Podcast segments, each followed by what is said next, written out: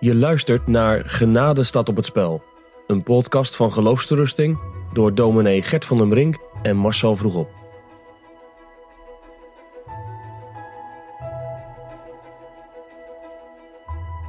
Binnen de christelijke kerk in Nederland, zeker, misschien wel breder, maar even beperkend op, op Nederland. En dan misschien nog kleiner bekijkend de gereformeerde gezinten. Daar zijn we allebei het meeste in, uh, in, in thuis.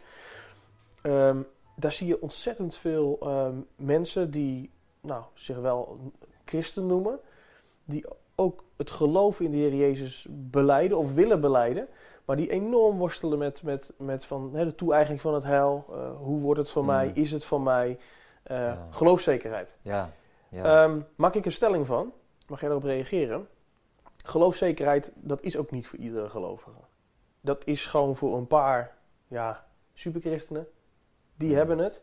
Maar het merendeel van de, de gewone gelovigen, ja, da- daar is helemaal geen zekerheid voor. Dus Nee, die staan ja. naar iets wat ze nooit zullen krijgen. Nee, ja, ik herken dat wel. Hè, dat veel mensen zo denken, die eigenlijk eh, een soort tweedeling maken tussen christenen. Hè. Je hebt dan bekommerde christenen die geen zekerheid hebben, Hmm. en je hebt bevestigde christenen die wel zekerheid hebben. Ja. Ja, hè, dus je mag al blij zijn eigenlijk als je bij die bekommerde christenen hoort. Ja. En die bevestigde christenen, ja, hè, dat is bijna helemaal onbereikbaar. Nou, ook daarover is in, eh, in de hele discussie met de Arminianen uitvoerig over gediscussieerd.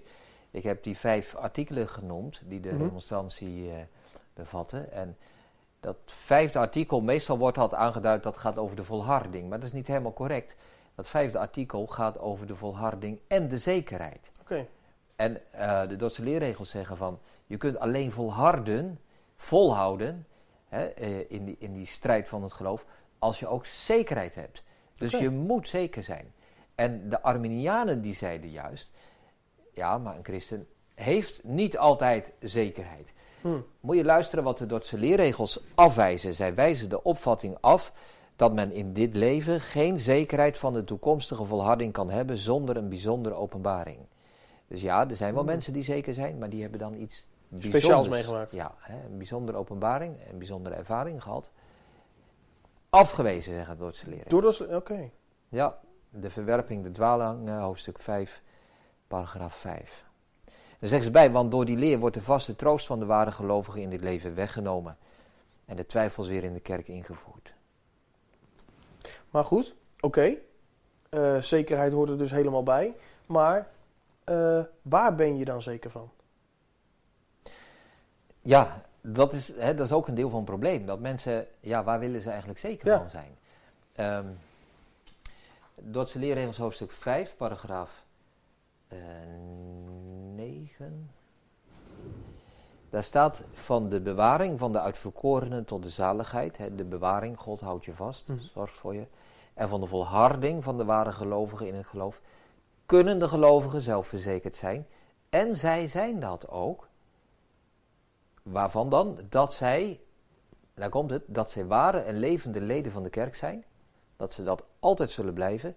Dat zij vergeving de zonde hebben en het eeuwige leven. Dus waar is een gelovige zeker van? Dat die vergeving de zonde, ik haal er maar twee dingen nu even uit. Mhm. Dat die vergeving van zonde en het eeuwige leven heeft. Dus dat gaat nogal ver. En Ja. Dan zie je weer hoe belangrijk het eh, evangelie is. Kijk, laat ik een voorbeeld eh, geven, eh, ehm, Marcel. Als ik hier twee biljetten heb, ene is 10 euro, de andere is eh 20 euro. Als ik jou dit aanbied, en ik zeg Marcel, die eh, mag jij eh, aannemen. Ja, dankjewel. Hoeveel euro heb je nu? Ja, 10. Hoe weet je dat? Staat erop. Ja, dat werd jou aangeboden. Ja, dat gaf jij me net. Ja? Dus jij ontvangt wat jou werd aangeboden. Als ik deze jou aanbied, je neemt hem aan. Hoeveel heb je dan? Bij elkaar eh, 30, maar ik- Ja, dit is eentje van 20. ja, ja. Dus hoe weet jij wat jij hebt? Dat leidt je af uit hetgeen jou wordt aangeboden. En hoe, hoe kan ik zeker zijn van vergeving en van het eeuwige leven? Omdat precies dat in het evangelie wordt aangeboden. Als God dat niet in het evangelie zou aanbieden, zouden wij er ook niet zeker van kunnen zijn. Als hij zou aanbieden in het evangelie, hè, eh, nou ja, dat je eh, minder zonde zou gaan doen, ik noem maar wat. Mhm. Hè, eh, dan zou je daarvan zeker kunnen zijn. Dus die zekerheid heeft weer alles te maken met het evangelie. Met de boodschap die verkondigd wordt. En als dat wordt aangeboden, en als het geloof dat aanneemt, daar hebben we het over gehad, gaan we niet herhalen. Maar het geloof neemt aan wat wordt aangeboden.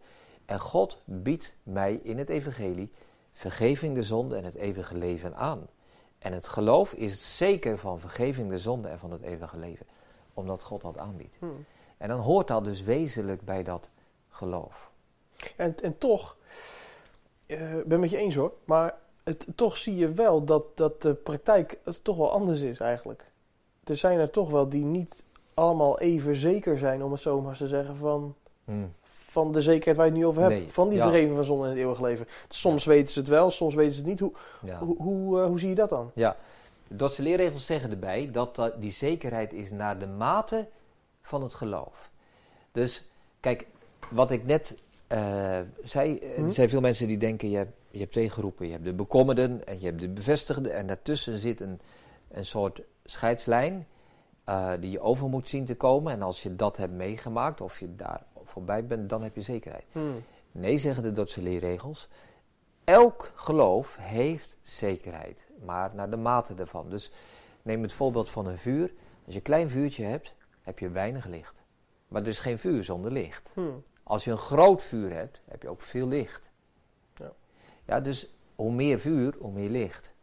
Hoe minder vuur, hoe minder licht. Ja. En zo is het met geloof ook. Als jouw geloof klein is en zwak is, heb je weinig zekerheid. Maar je hebt wel zekerheid. Het is onmogelijk dat je wel zou geloven en niet zeker zou kunnen zijn.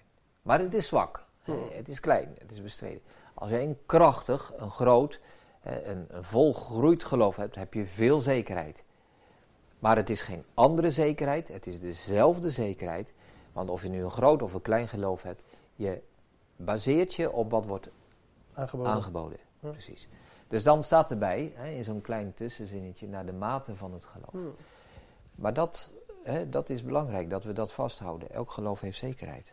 Maar nu ehm, ehm, hè, zit die zekerheid als, het ware gekoppeld aan de gelovige die die zekerheid heeft, die zekerheid ervaart. Zou het ook geen oplossing kunnen zijn om die eh, zekerheid dan als het ware los te halen van de gelovige en te zeggen van nou de zekerheid zit niet zozeer in dat de gelovige die zekerheid heeft of ervaart of wat ook, maar dat meer zit de zekerheid is in het, in het evangelie of in, de, in, het, in, het, in het christelijk geloof. Dat je, dat je daar zeker van bent.